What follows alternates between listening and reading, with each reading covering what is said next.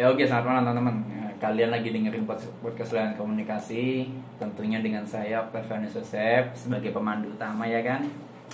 Nah terus saya sekarang lagi ditemenin sama Saya Ferdi Irfan Ardiansyah selaku temannya Mas Yosep selama kehidupan sehari-hari di Surabaya. siap. Ya saya ini apa namanya cukup kangen sama Ferdi kan kemarin sempat gak pernah kelihatan gitu. Kenapa itu? Mungkin berbagi cerita dulu apa? Ya selama sebulan ini belakangan ya karena ada beberapa hal yang tidak bisa diceritakan ya secara pribadi ini. Ah. Berhubung ini podcast masuk ke dunia luar mungkin saya tidak sedikit uh, tidak menceritakan semua hal yang saya alami selama menghilangnya saya ini. Eh, Akan saya akan membahas beberapa poin-poin tertentu aja. Pertama saya itu sedang fokus mengerjakan uh, sebuah tugas seperti kalian ketahui semua semua mahasiswa kan juga sangat mengidam-idamkan apa itu skripsinya harus selesai. Oh, nah, skripsi berarti? Iya, oke, terus. betul skripsi. Saya sebulanan ini menyusun skripsi saya untuk tugas akhir lah ya. Kan kita tentu mengerti sendiri kawan-kawan semua yang bahas soal skripsi. Nah, saya itu uh, memfokuskan diri selama sebulan itu untuk membahas skripsi itu. Uh, alangkah baiknya saya tidak ingin diganggu dengan pertemuan-pertemuan saya dulu supaya saya bisa fokus untuk mengerjakannya. Gitu, Mas Yosef. Kalau boleh tahu jadi deskripsinya apa? Kalau boleh tahu.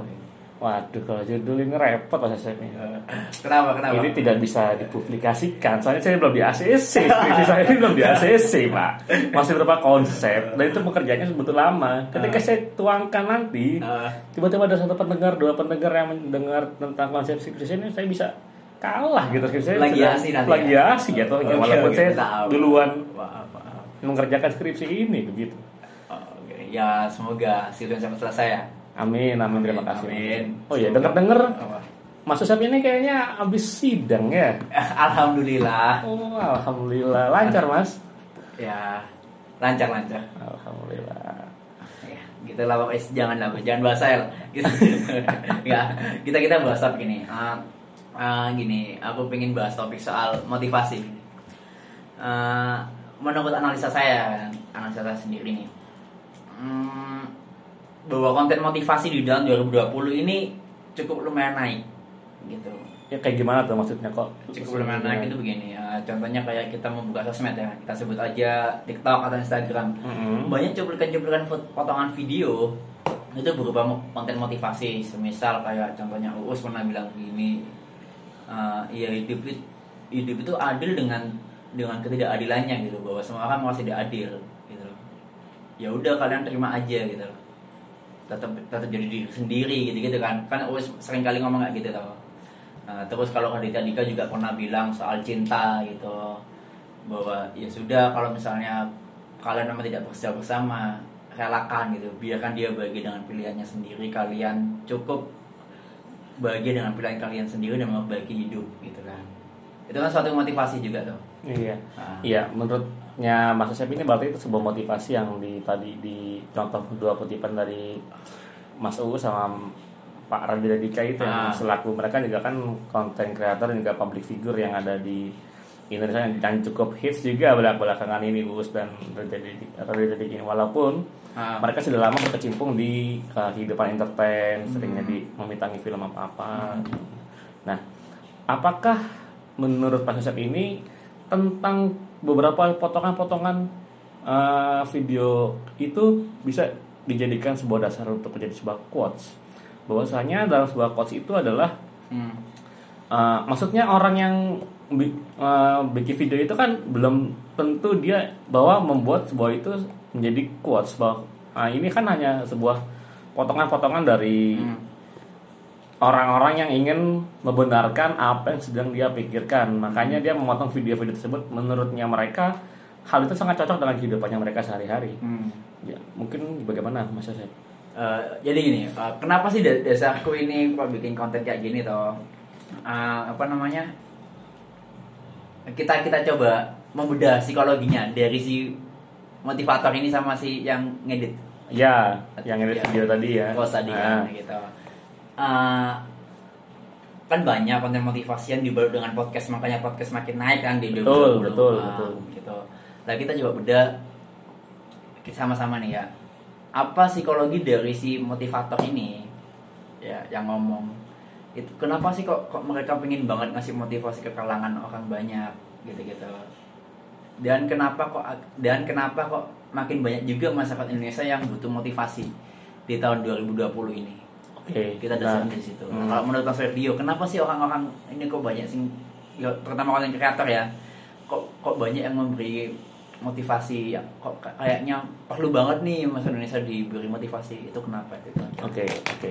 Menurut pandangan saya sendiri ya, Ah. kenapa kok banyak orang-orang yang mengambil cuplikan-cuplikan video-video yang seperti Mas Yosef tadi bilang itu adalah Ini berarti dari yang penerima motivasi. Iya dari penerima dari tanggapanku sendiri lah ya inti intinya bagi pendengar dan pelaku pembuat konten ini yang apa ya yang istilahnya mereka ingin membenarkan apa yang dia pikirkan dan berusaha untuk mendoktrin orang yang mendengarkan itu bahwa Hmm. akan setuju dan sepakat dengan potongan video yang dia omongi.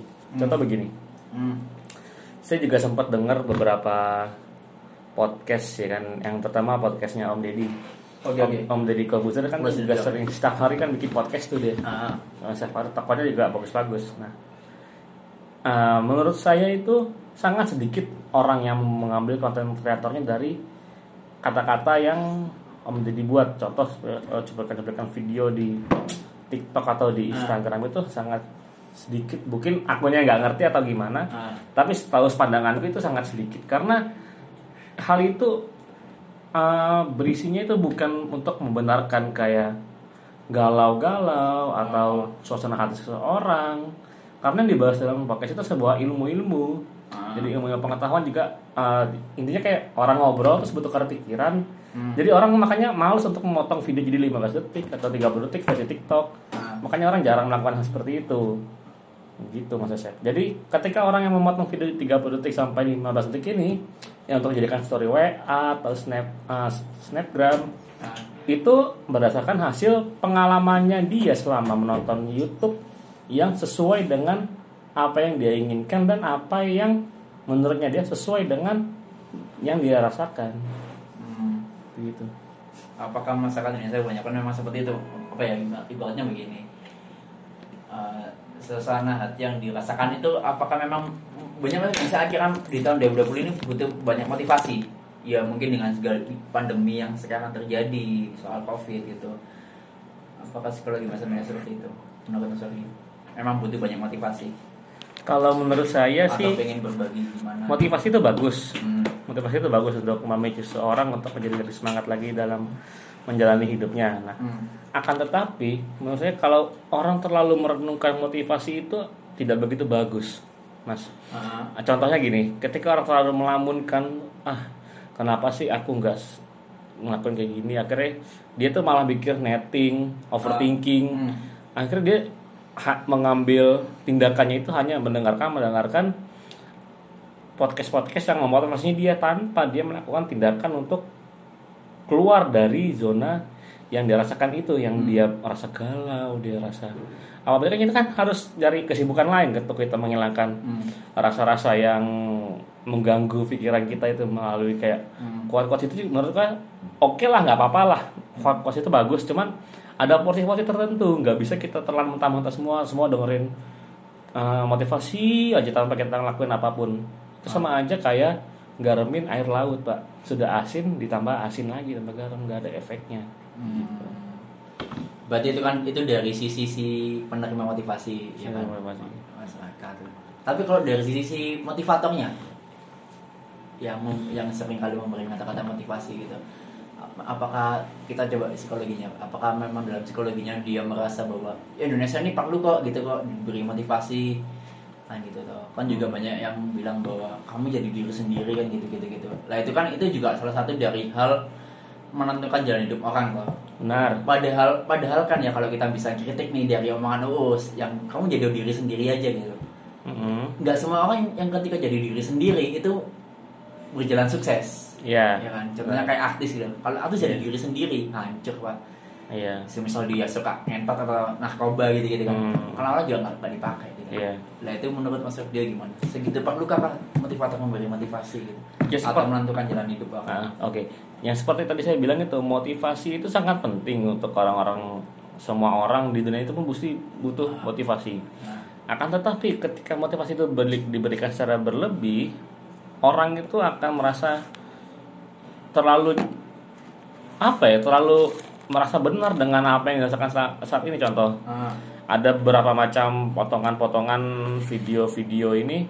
Nah, katakanlah dia itu ngelak- eh, menjadi pembenaran itu contoh eh, orang berting bersifat bertingkah bodoh untuk membuat orang lain tersenyum. Kan itu kan nggak masuk akal. Ah. nggak masuk akal orang berbuat bodoh dengan mempermalukan diri sendiri untuk membuat orang senang. Sedangkan dirinya itu hancur. Belum tentu orang yang buat dia buat senang itu akan menyenangi dengan perannya dia. Ah. gitu loh maksudnya. Nggak nggak melulu apa yang kita tampilkan ke orang itu Hmm. sesuai juga dengan pasarnya yang diterima. Menurutku kayak, kayak gitu sih maksudnya Jadi? Jadi intinya adalah sebuah video cuplikan-cuplikan motivasi itu adalah tidak terlalu penting ketika dipikirkan terus menerus itu sebagai sebuah pacuan hal yang paling itu harus sebagai pacuan untuk membuat kehidupan kita lebih baik lagi. ah. Hmm, lah kalau dari si motivator, kalau misalnya Mas Ferdi jadi misal jadi si motivator ya, ibaratnya Mas Ferdi jadi motivator gitu apakah Mas Ferdi memang merasa perlu untuk memberi motivasi ke orang atau untuk mengikuti jalan hidup Mas Ferdi gitu Oke, sebuah motivasi itu ya yang tadi Mas saya tanyain itu ah, semua itu akan keluar dari mulut orang-orang yang sukses. Kebanyakan kayak gitu. ah, ah. Kebanyakan kayak gitu. Jarang orang ngambil motivasi itu dari ah, orang-orang yang di bawahnya atau yang setara itu orang jarang ngambil motivasi kayak gitu. Ah. Kebanyakan Berarti kayak itu kayak omongan Jack Ma kalau cuma kan ngomong banyak, banyak ngomong banyak kalau kan belum berhasil orang Iya. omonganmu itu kentut Hmm. gitu kan. Iya semua. Saya juga pernah sempat dengar juga beberapa, atau bukan beberapa sih dari salah seorang itu dia itu membuat sebuah kata-kata yang sangat bagus, yaitu eh, saya lupa kata-katanya apa, tapi intinya itu dia itu mengatakan emang benar-benar orang itu Ah, harus mm, dimotivasi tapi jangan terlalu berlebih motivasinya ah, saya lupa saya lupa. Saya kasih ketika nanti pas sambil jalan ingat saya baru ngomong lagi. Ah. berarti emang segitu perlunya untuk memberi motivasi dengan perlu motivasi perlu tapi sekali lagi jangan terlalu berlebih. Motivasi sebagai pacuan aja untuk orang sebagai ber- menjadi bersikap lebih baik lagi. Kalau untuk menentukan jalan hidup orang sesuai dengan jalan hidup kita yang semisal kita sukses perlu nggak? Kan kita tahu juga ada bahwa hidup kan orang beda-beda kan, iya beda-beda cara yes gitu. iya ya ya ya ya ya setuju dengan yang tadi ngomongin itu setuju soal apa tadi yang sesuatu orang beda-beda Nah, kehidupan orang beda-beda, dengan beda-beda. sukses dengan cara masing-masing. Sukses dengan cara masing-masing. Orang-orang sukses itu justru memberi memberi motivasi atau memberi cara hidup. Kamu ikut cara ini agar kamu sukses kayak aku gitu. Iya. Emang Nah. segitu perlu kan menentukan jalan hidup orang? sebentar itu bukannya nggak perlu Nah. tapi bisa dijadikan sebuah contoh sebentar lagi kita eh, kita korek lagi orang yang ngomongin itu kehidupan masalahnya dia seperti apa kan di- maksudnya tahu privilege Tahu bangga. nah privilege ini Artis katakanlah istimewa. bisa didapatkan ketika orang yang memiliki eh, jaringan keluarga atau orang Ah. dekatnya itu memiliki kesuksesan. Nah, Ah. orang ini akan startnya baju jauh lebih di depan daripada orang yang tidak memiliki privilege sama sekali. Walaupun dengan usaha yang seimbang, Nah, tetap saja bahwa orang yang akan sukses itu orang yang telah lebih dahulu ada di depan yang menggunakan privilege ini. nah, Contoh, eh, kata-kata orang banyak yang niru seperti ini. nah. Eh, maksud kamu nggak kayak ini sih artis ini katakanlah mau Ayunda. Mau Ayunda tuh pinter. Coba Ah. kita lihat lagi di baliknya. Ah. Di baliknya ada pendidikannya dia kayak gimana. Ah. Entah pendidikan kita yang biasa hal biasa kita lakukan ini eh, SMA bi- SMA bukan saya tidak memaksud saya tidak bermaksud soal menjelek-jelekan SMA negeri atau SMA swasta yang Ah. kita kita semua jalani tapi kita lihat dari contohnya Mauda Yunda dia tuh SMK SMK-nya yang elit SMA yang elit Nah, dia dari SD sudah dididik, dididik secara kelas internasional Hmm. SD SMP dan SMA bisa dilihat di biografinya Madia Indah dia itu bahasannya karena sudah terlalu terbiasa di bidang di bidang selama kehidupannya dari SD sampai SMA itu akhirnya dia bisa dengan mudah masuk ke tingkat kuliah di Harvard luar negeri Nah. kata gitu nah orang yang ngertinya cuman ngeliat wah ini artis aja sibuk sedikit ah, sangat sibuk kayak gini bisa kuliah di luar negeri tapi dia nggak lihat di belakangnya itu ada apa. Bekal apa yang sudah Madinah siapkan nah begitu juga kita kira kita harus menyiapkan bekal Ah. untuk apa yang akan kita hadapi di depan Hmm. nggak bisa kita ngambil lihat orang pas sudah suksesnya aja kita pakai tangan latar belakangnya gitu berarti kan bisa juga kita bilang bahwa eh, ya hidup orang jalannya kan masing-masing gitu kita nggak bisa maksa orang buat ngikutin jalan hidup kita supaya kayak kita gitu kan betul betul Gitu. mungkin dengan jalannya dia dia bisa sukses seperti yang dia inginkan gitu, gitu. iya Nah, terus gini ada teman baru ini kan mungkin bisa perkenalan diri dulu nih baru kita nanti bahas lanjut Terima kasih atas atas undangannya mengundang diri sendiri mengundang diri sendiri lebih tepatnya. Yang perkenalkan nama saya Vido Ardi Wibowo. Eh, Apalagi yang perlu diperkenalkan? Cukup nama kan? cukup ya status mungkin perjaka atau enggak Kalau dibilang status ya statusnya ya gini aja. Kalau perjaka ya ud- udah jelas lah. Enggak enggak, nggak apa nih nggak jelas apa nggak yang lain nih enggak, enggak berjaka lah. Oh, Kita enggak juga berjaka. menikmati ya eh, apa eh, zaman muda-muda kita lah. Jangan sampai kita ketinggalan rasa-rasa yang harusnya dinikmati ya sama anak- anak-anak muda. Takutnya nanti ketika kita udah dewasa, kita udah tua, kita menyesal. Oh, kok gitu ya zaman dulu kayak nah, Jadi kita nggak akan membuat perbandingan seperti itu. mati penasaran Iya, benar-benar. Eh, Terima kasih mas. Eh, ya gini apa namanya video kita lagi bahas apa namanya soal motivasi ya kan Ya, tadi kita udah bahas lumayan lah kita tadi bahas soal motivasi ini konten soal motivasi ini naik di 2020 gitu kan. Ya kan lebih naik. Ya contohnya banyak banyak potongan-potongan video di sosmed TikTok Instagram quotes quotes gitu kan. Ya, emang segitu perlunya kah seorang motivator memberi motivasi ke orang. Terus apakah masyarakat Indonesia memang di tahun 2020 ini memang perlu banyak motivasi gitu loh. Ya mungkin dengan jela pandemi gitu kan. Ya dengan persentase bahwa konten motivasi makin banyak gitu. Menurut Mas Video ini gimana ya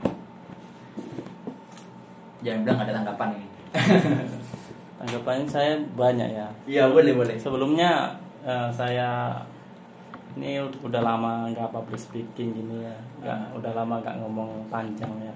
Jadi nanti kalau misal ada yang gagap itu tolong dimaklumi. Jadi gini, pendapat saya ketika motivasi itu apakah penting di tahun 2020 ini ter, udah terlalu kita lihat sendiri Nah. di sosmed makin banyak makin banyak ya yang menjadi masa apa yang apa yang membuat uh, motivasi itu terlalu penting.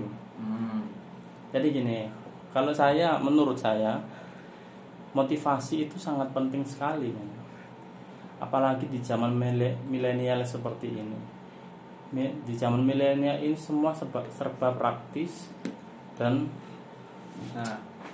uh, persaingan antara uh, antara satu dengan yang lainnya. Nah. karena memang semakin banyaknya para penduduk itu otomatis pergesekan dan persaingan aktivitas semakin uh, semakin apa semakin kuat. Nah seperti itu.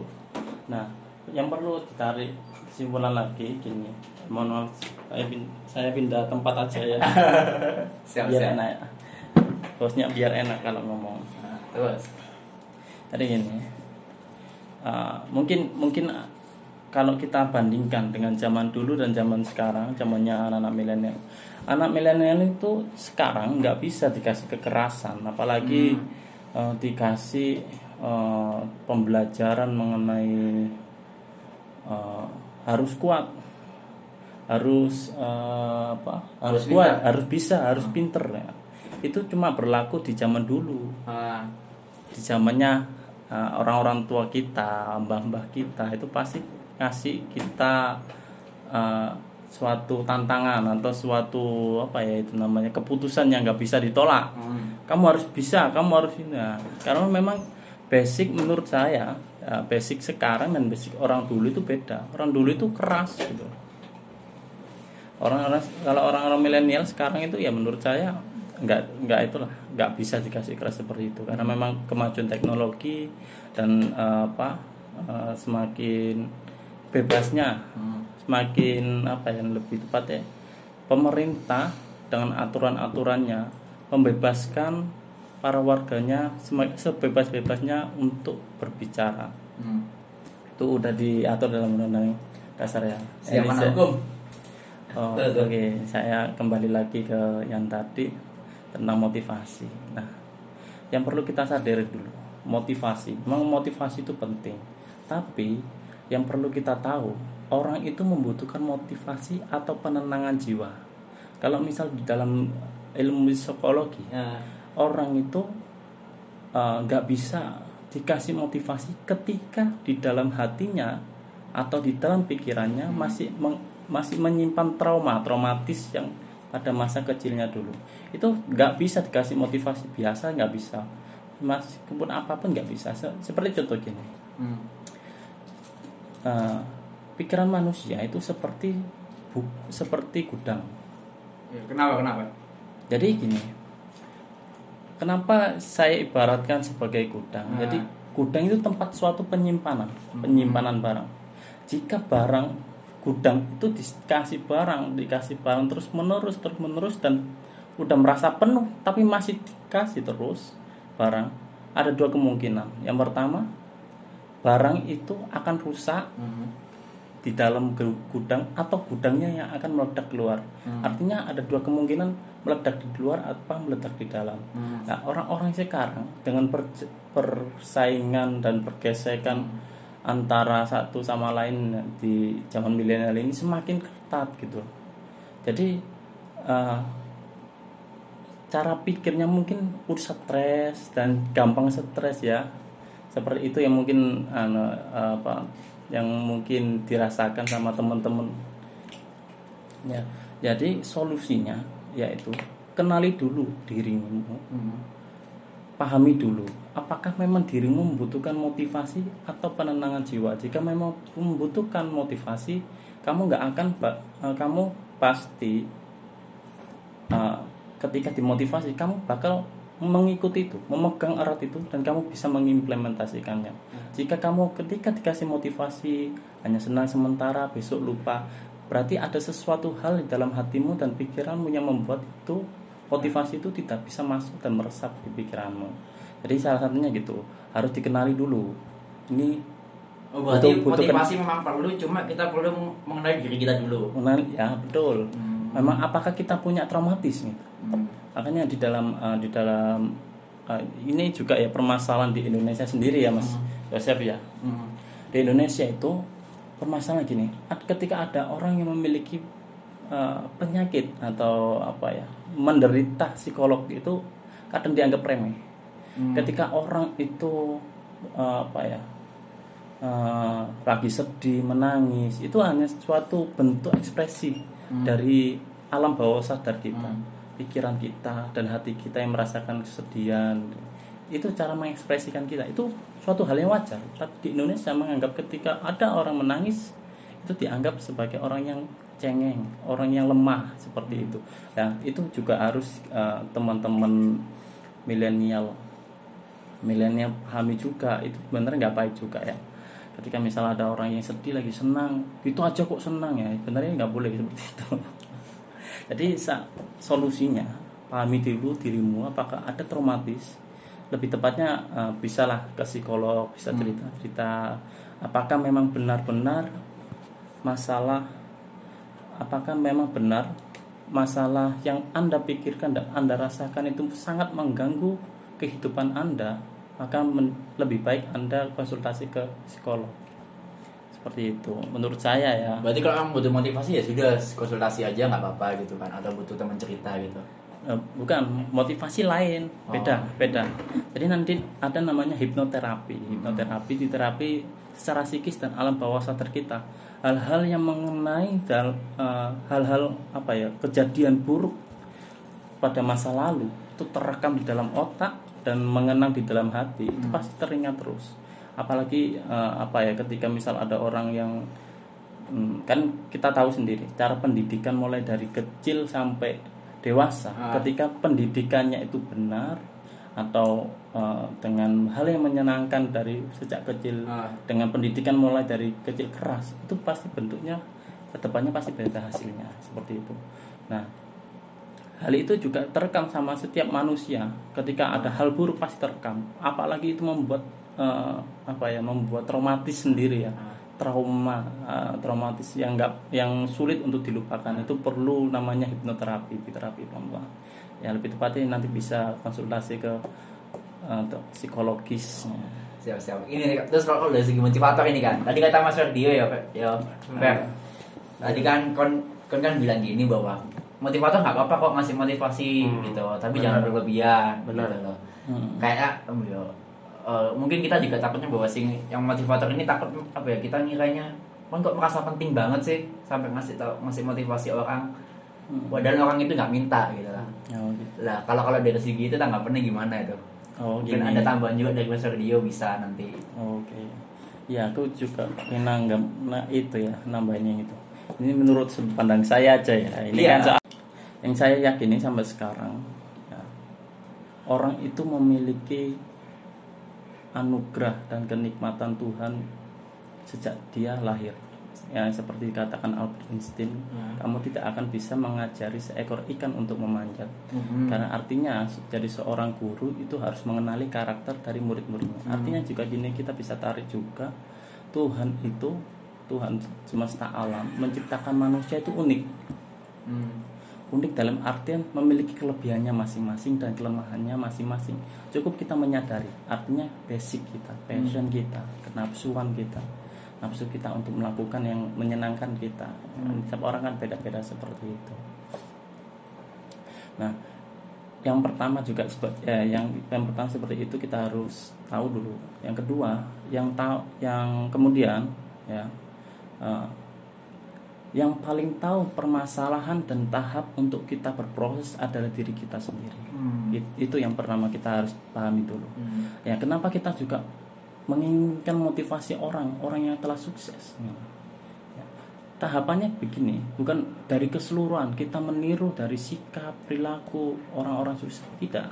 cara Karena hidup gitu ya Lebih tepatnya cara, cara-cara tips untuk melakukan kesuksesan di bidang itu. Hmm. Artinya kita nggak bisa me- meniru kesuksesan orang tersebut mulai dari sikapnya itu. Hmm. Itu hanya salah satu bentuk apa ya memperbaiki diri. Apakah kita bisa? Itu kan hanya coba proses untuk mencoba, nah mencoba implementasi. Kalau misalnya itu gagal kan kita juga tahu proses kita gagal itu dari mana. Ah. Jadi nanti kita tahu, walau oh ternyata kita uh, gagalnya seperti ini, seperti ini, seperti ini. Apakah ada di motivator itu orang yang memotivasi kita itu apakah mengalami hal tersebut? Hmm. iya soalnya takutnya gini dong namanya kan orang-orang motivator ini apa ya merasa penting gitu loh. Kan aku ikutin jalan hidupku gitu loh. Kan takutnya kan biasanya kan motivator kan gitu toh. Oh, berkaca dari pengalaman hidupnya akhirnya dia memberitahu orang-orang bahwa Ya, cara kayak- hidupku gini gitu. Hmm, kayak yang Bukan dia rasain tuh dia selalu anggapannya dia paling menderita terus ketika dia sukses dia paling bener buat diikuti langkah-langkahnya dia kayak gimana gitu Ah. maksudnya maksudnya tadi Heeh. ya apa menurut Mas dia juga video ya apa ya mau gue Mas Ferdio dulu. apa hobi pak Yusuf Ya, enggak enggak apa-apa Mas Ferdio dulu lah. Saya kan tamu tamu Tamu. masih baru.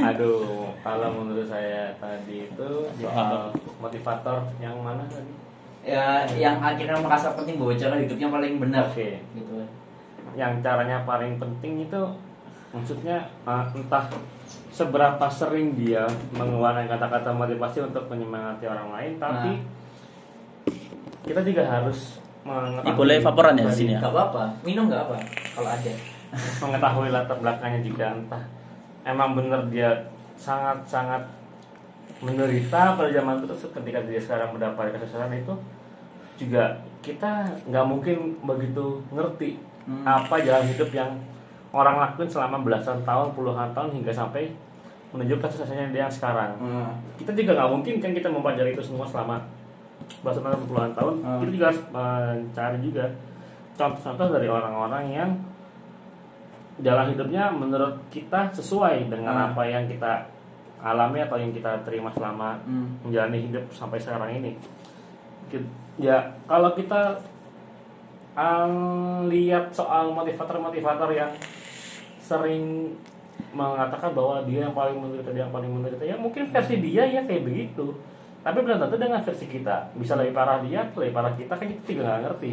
Mentalitas nggak ada orang beda-beda gitu nggak ada ya. badan nggak ada lembaga khusus untuk penilaian masa lalu kita pat- patokannya tuh kayak gimana yang susah yang senang tuh kayak gimana kan nggak ada. Standarisasinya. Standarisasi nggak ada kita tuh nggak ada standarisasi kayak gitu yang yang yang, kita ketahui itu hanyalah kita berusaha semaksimal mungkin Hmm. untuk mencapai suatu kesuksesan. Semua orang ini pasti pengen sukses dong nggak mungkin orang semua nggak pengen sukses. Ah. Berarti kan kita dengerin quotes quotes atau motivator motivator itu yang mem- membimbing kita untuk menuju uh, jalan kesuksesan kayak gitu. Kita belajar dari kesalahannya kita belajar dari caranya dia untuk mencapai sebuah ah. titik di mana dia mencapai puncak kesuksesan menurut dia atau menurut kita. Gitu. Mungkin Mas Wida bisa nambahi. Atau mungkin berbeda gitu kan. Iya, mungkin ada Eh, yang ya. membedakan. Mungkin ya itu ya. Pendapat saya mungkin agak berbeda dengan Mas Dio Dan kenapa juga motivator itu merasa dirinya penting, merasa dirinya yang paling bisa merubah dan dia merasa pan dia yang paling Contohnya kan aku berpengalaman. teguh loh, sosokan ngasih masuk Nah. motivator cinta. Ya tahu selingkuh ya kan ah. punya anak kan. Ya, kita kan ya. nah, kalau yang dalam ada teman saya yang sering mengingatkan saya setiap orang pasti memilih jalan dosanya masing-masing Verdio. termasuk semua orang menurut saya Oh, termasuk iya. saya juga ini Ya udah. jadi gini kita kembali lagi ke sudut pandang para pesertanya aja Eh, pesertanya dulu aja Ah. ya Ba- eh, orang itu kadang kadang itu kurang memahami arti kata kesuksesan Hmm. Kertu- kesuksesan itu apa sih sebenarnya Kaya. kayak Enggak. oke Kaya enggak? ya Sukses bisa kaya. jadi sukses Kaya ganteng. Lama. jabatan ah, jabatan oke keluarnya lama Ah, ah, oke kelar lama ya apa ya maksudnya ini mas dia keluar maksudnya dia keluar dari kerja kerjanya lama dia zaman nyaman di zona kerjanya gitu kan bisa lah gitu oh ya pikiran pikiran beda beda kesuksesannya gitu Oh, pikiran pikiranku soalnya tra- traveling Mas, ini. Oh, traveling. Udah sampai Bali terus ke Ancol gitu. ngapain kok jalan-jalan gitu itu motivasi anda berarti Enggak enggak Jalan-jalan. enggak tahu penafsiran alam bawah sadar saja gitu kayak Oh, gitu ya. iya. Nah, Oke, sukses menurut Mas Widu apa gitu? Jadi gini ya, kita pahami dulu lah. Jadi kesuksesan itu jangan menganggap suatu hal yang eh, hal yang memiliki banyak substansi dirangkum jadi satu. Hmm. nanti jadinya nanti abstrak. Ada orang yang menafsirkan kesuksesan itu sebagai kaya ada yang menafsirkan kesuksesan itu sebagai keberhasilan suatu pekerjaan. Ada yang bilang eh, kesuksesan itu seperti eh, mendapat jabatan. Ada yang ngomong kesuksesan itu bisa membahagiakan keluarga ada yang mengatakan kesuksesan itu udah sejahtera ya, sebagainya udah memiliki rumah dan sebagainya. Nah gini kita pahamin dulu lah kesuksesan sukses dalam apa dulu gitu. Ah. kita nggak perlu untuk menjadi or- orang sukses itu dengan jabatan dan orang becak juga bisa kaya kok. Ah, jadi guru juga bisa kaya dengan dengan bisnis Ah. atau gimana. Bisa aja seperti kutipan Mario Tek, eh, Mario Teguh. saya saya lupa Motivator namanya. gagal ya? Motivator. seperti kata yang dikatakan uh, Marty Guwi itu ya mungkin teman-teman udah kenal semua di dalam bukunya itu mengatakan Oh. jangan pernah uh, jangan pernah uh, menganggap bahwa kekayaan itu hanya menjadi seorang pejabat saja anda Hmm. bisa kaya meskipun anda menjadi pegawai anda bisa kaya meskipun anda menjadi uh, uh, menjadi guru. Anda bisa kaya meskipun anda menjadi tukang bersih bersih itu tergantung anda dan mindset pikiran alam bawah sadar anda. Alam bawah sadar anda ini kalau yang saya tarik ya dari omongannya Marty Guwi itu seperti drive. Drive drive drive. Itu seperti itulah. Uh, seperti kom- uh, komputer. Disket. ah bukan bukan. Disket flash itu kan tempat penyimpanan. Oh. Drive itu seperti eh, seperti gini ketika kita ketika kita punya printer kita nggak bisa mengoperasikan printer printer itu hanya suatu, suatu alat tapi untuk mengatur alat mengontrol alat itu membutuhkan drive Nah, drive itu seperti dalam di dalam diri kita, alam bawah sadar kita. Kita ketika kita bisa melakukan hal sesuatu hal contoh ya, kita bisa melakukan multitasking atau dan sebagainya ya. Uh, seperti apa ya? Nah, berpidato di depan umum, terus bisa uh, public speaking, uh, bisa apa, uh, multi talent lah di depan panggung dan sebagainya. Itu nggak bisa tercipta uh, serta merta dan sekejap. Pasti butuh tahap proses yang direkam oleh bawah alam bahasa sadar Anda dengan kedisiplinan, keteguhan. Nah, itu, itu terus menerus yang dilakukan itu namanya uh, nanti berbentuk drive. Drive seperti itu yang mengontrol. Kenapa? Kenapa orang ini kok langsung bisa itu bisa MC langsung mendadak bisa apa membawakan gitar menyanyi dan sebagainya itu maksudnya Iya, iya. kebiasaan mereka dengan keteguhan dan disiplinnya mereka itu seperti itu berarti bisa dibilang itu kayak sebuah pengalaman atau jalan hidupnya dia menurutnya Mas Wido tadi yang Iya. menentukan jalan kesuksesannya dia tuh kayak gimana gitu. Tadi benar benar benar. Makanya kadang ada orang yang uh, Marty gue juga pernah berpikir jangan menjadi mental orang miskin. Orang miskin dan orang kaya itu sebenarnya terbentuk dari mental. Hmm. jadi orang orang orang miskin tuh pas orang-orang miskin tuh eh orang-orang kaya itu nggak akan memikirkan kegagalannya.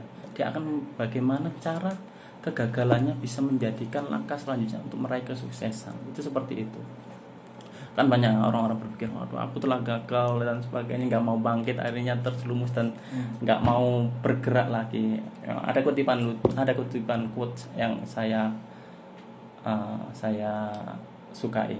Apa apa? jangan berharap berkembang di dalam zona nyaman dan jangan ber dan di dalam zona nyaman nggak akan berkembang. Paham nggak maksudnya? Jadi gini gini kamu nggak akan berkembang jika kamu di dalam zona nyaman tapi ketika kamu berkembang itu nggak ada rasa nyaman Hmm. Pasti akan selalu ada masalah-masalah. pasti itu ada masalah jadi itu udah wajar gitu. orang-orang bermental kaya itu akan melihat itu suatu tantangan yang harus diselesaikan beda dengan orang-orang miskin mental orang miskin. Ketika ada masalah aduh masalah re aduh gini re aduh gimana ya? Ya, ya, seperti itulah kurang lebihnya ya. terus lagi saya mau yang lanjutkan dari sudut pandangnya motivator ya. Kadang motivator itu ber, berlebihan ya. Kadang mungkin uh, kelewatan atau mungkin terbawa suasana ketika dia dibawa uh, apa didengarkan orang banyak dengan uh, motivasinya oh dipercaya dan dianggap relate lah nyambung dengan kehidupannya oh sama dengan kehidupan dia merasa kadang merasa bangga seperti yang dikatakan sama Mas Joseph tadi contohnya Mario Teguh dan terus anda punya anak punya selingkuhan dan sebagainya seperti itu kan. Nah, makanya itu aku uh, menurutku ya, kita nggak bisa emang mengambil mengambil semua orang itu bagusnya semua itu. Oh, orang ini motivasinya bagus. Pasti sikapnya juga bagus. Nggak bisa seperti itu. Makanya aku tadi ngomong kalau orang itu pasti memilih jalan dosanya masing-masing. Entah itu apa. Itu kita nggak tahu lah itu rahasia kita sendiri Hmm. atau gimana ya. Jadi kita kalau ketika kita mendengarkan motivasi, motivasi isi substansinya itu aja yang kita dengarkan. Kita jangan berharap bakal menjadi orang seperti dia. Kita lebih baik kita menghargai diri kita sendiri, menjadi diri kita sendiri dengan kemampuan kita sendiri dan tahap kita sendiri seperti itu. Terus gini, terakhir gini ya, apa ada ini? Ingat tahu pertanyaan gini. Eh, lebih berpengaruh mana atau lebih efektif mana ya kan? Kita belajar dengan cara hmm, mendengarkan motivasi orang lain atau kita belajar dari pengalaman kita yo mengata mas video tadi apa dengan mengenali diri kita sendiri gitu gitu lebih efektif mana itu kira-kira Menurutku ya. Mungkin Mas- Ferdi mau ngomong dulu lah. Ah. Nah, saya kan tamu ba- tamu baru di sini. Ya, apa ya kalau kan takutnya orang gini, jangan cok tadi nggak aku menuruti motivasi iki ngene kok. Udah aku yang gini, harusnya ya gini gitu. Iya, ya sekali lagi yang tadi saya sempat bilang juga ah, bahwasanya kita jangan terlalu mendengar semua motivasi. Ah, itu cuma sebagai pemicu aja ketika kita ngerti ah ini bakalan gagal. Udah kita mundur, jangan kita terpaksain. Kita bakalan ya nanti kita bakal ngerasain juga jeleknya gimana ketika kita eh, nerusin langkah ini. Padahal kita udah tahu bahwa itu akan gagal. Kenapa kok masih kita terusin nah Hmm. Kita juga sempat uh, ada beberapa yang katanya sepakat dengan Mas Fido tadi yang ngomongin emang benar kita harus belajar dari pengalaman kita. Bukan cuma dari pengalaman kita sih lebih tepatnya juga pengalaman dari orang-orang lain. Hmm. kita bisa melihat uh, langkah apa yang dia ambil terus juga dia dia gimana sih cara mm, jalan hidupnya? Dia kan bisa orang-orang tokoh-tokoh besar tuh kadang nulis di autobiografi. Autobiografi itu kan uh, adalah isi cerita yang dia tulis oleh dia sendiri nggak Hmm. bukan uh, dari orang lain atau editor orang lain. Nah maka menurut saya bisa kita mempelajari autobiogra- autobiografi dari tokoh-tokoh tersebut uh, kita pelajari dia gimana kayak bukan cara dia dalam menjalani hidup ya tapi ketika dia melakukan aksi uh, aksi nyata itu Hmm. dia ngelakuin apa aja. Dia kayak apa sih yang dia lakuin buat mencapai tujuan itu? Itu bisa kita pelajari. Kita pelajari bukan berarti kita harus mempraktekkan. Kita juga harus berpikir dengan logika, kita. Bahwasanya apakah hal yang dulu dia lakukan itu masih relevan dilakukan sekarang? Apa, perlu- apa kita butuh perlu pembaruan? Pembaruan dalam hal dalam artian ini kayak modifikasi, modifikasi contoh kayak orang dulu. Orang dulu kan pasti berpikirannya kudu di dididik dengan bimbingan yang keras supaya dia mencapai suatu kesuksesan. Kan juga untuk dicapai sekarang kan beda juga dengan zaman dahulu. Nggak mu- nggak sekeras eh, nggak bisa disamakan yang kerasnya dulu sama keras sekarang tuh nggak nggak bisa. Menurut saya nggak bisa untuk mendidikkan hal seperti itu. Zamannya juga beda gitu ya. zamannya juga sudah beda ya kita juga harus memandang ke depan lah jangan terlalu melihat ke belakang. Belakang itu oke boleh untuk mempelajari Hmm. tapi juga harus melangkah ke depan. Supaya apa? Supaya kita dapat menciptakan langkah-langkah berikutnya untuk anak cucu kita nanti bahwasanya ini loh yang dilakukan oleh orang-orang yang pendahulu kita kita harus melakukan kayak gini. Nah, itu bisa membawa kita ke langkah-langkah berikutnya ke step-step berikutnya. Mungkin Mas Vido ada Tambahan, tanggapan, atau- uang mungkin ada gitu ya uang tak pinjam dulu boleh Oh, dari dulu minjem terus ya Mas Ferdio. ya, jadi tadi Mas Yosep bilang ya lebih penting mana pengalaman sama motivasi. Menurutku dua-duanya penting. Yang pertama yang tadi yang saya katakan ya kita harus mengenali diri kita sendiri dulu. Ah, Nah, kita itu kita itu sampai mana taatnya, prosesnya sampai mana. ah. Jadi kemampuan kita juga sampai mana seperti yang dikatakan Mas Ferdio tadi. Kemampuan kita memanage memanage uh, manage kualitas diri lah. Artinya seperti itu. Jadi gini, penga ya kita uh, terlalu banyak motivasi yang juga baik asalkan bisa diwujudkan, asalkan bisa diterapkan dan cocok pada dirinya yang yang yang menerima motivasi tersebut. Kita kan pasti belajar dari kegagalan. Kita meminta motivasi. Kenapa? Karena ketika kita gagal, kita kadang merasa jenuh, ada Ah. kekosongan, ada Ah. kehampaan, ada keresahan. Makanya kita merasakan kita membutuhkan orang yang yang bisa merasakan diri kita dan kita ingin menjadi lebih baik, makanya membutuhkan motivasi. Seperti itu. Menurutku ya dua-duanya penting aja sih. Meskipun dua, kebanyakan motivasi ya juga baik juga, cuma masalahnya apakah mereka bisa melakukan itu apakah cocok Nah, seperti itu harus yang pertama harus mengenali diri sendiri lah eh, masalahnya sampai mana ya tahapannya sampai mana seperti itu Berarti lebih berarti kita lebih lebih, lebih utamanya ke pengenalan diri dulu aja gitu. pengenalan diri Daripada ngasal ikutin motivasi ternyata nggak cocok gitu. betul sekali Ya gitu mungkin ada pesan terakhir dari mas-masnya gitu. So, mungkin diarahkan ke motivator yang yang masa penting ah gitu. Ngapain sih ngasih ngasih motivasi ke orang gitu kan? Atau mungkin dari si menerima motivasi gitu. Iya, untuk closing statement itu ada dari saya ah, begini, aku sempat dengar juga kata-kata orang dulu, bukan kata orang dulu, atau orang-orang yang pernah saya tonton. nah, Ah, orang sukses, kentut pun itu sebagai motivasi. Tapi ketika orang susah yang ngomong suatu buah ilmu dan pengalamannya dia, hal itu tidak akan bermanfaat di depannya juga. eh, Gitu.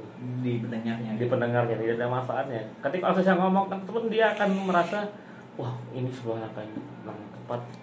Kayak membenarkan apa yang orang sukses lakuin itu emang benar tapi kan kita juga nggak bisa menilai itu dengan cuma depannya doang gitu kita nggak ngerti belakangnya. Jadi Ah. intinya kita tetap harus mengenali diri kita.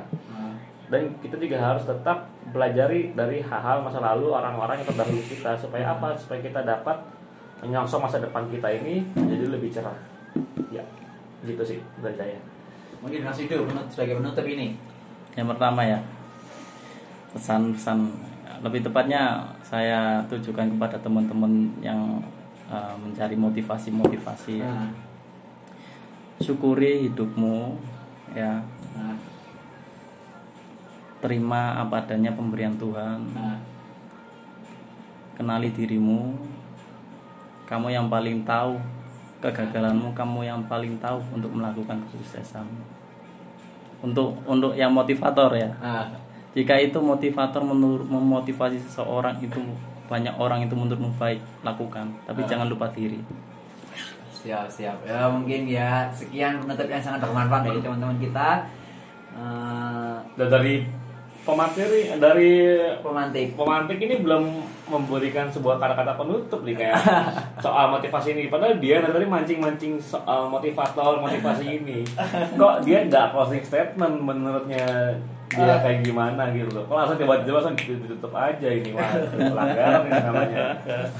Eh, apa ya kalau kalau, menurut kayak Gak tau aku aku aku aku aku, aku sel- selalu ngerasa so apa ya sosok merasa penting gitu loh ketika ngasih omongan gitu makanya aku takut Eh, yo pesanku ya yang buat motivator eh, jangan sering-sering nanti motivasi gitu kan. Siapa tahu orang-orang itu malah enak dengerin motivasinya.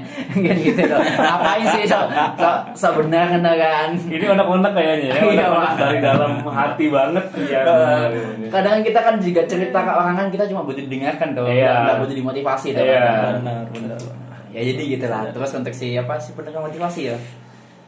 Hmm, terus belajar kayak gitu loh. Kalaupun memang nggak ada yang bisa dipelajari dari motivasinya buang aja gitu. Gitu. Ya wes ya gitu ya. Oke jadi saat malam eh, buat teman-teman terus tetap dengarkan podcast lawan komunikasi. Mungkin ada saran-saran untuk bahas pembicaraan bisa dikirimkan ke email lain komunikasi@gmail.com sekian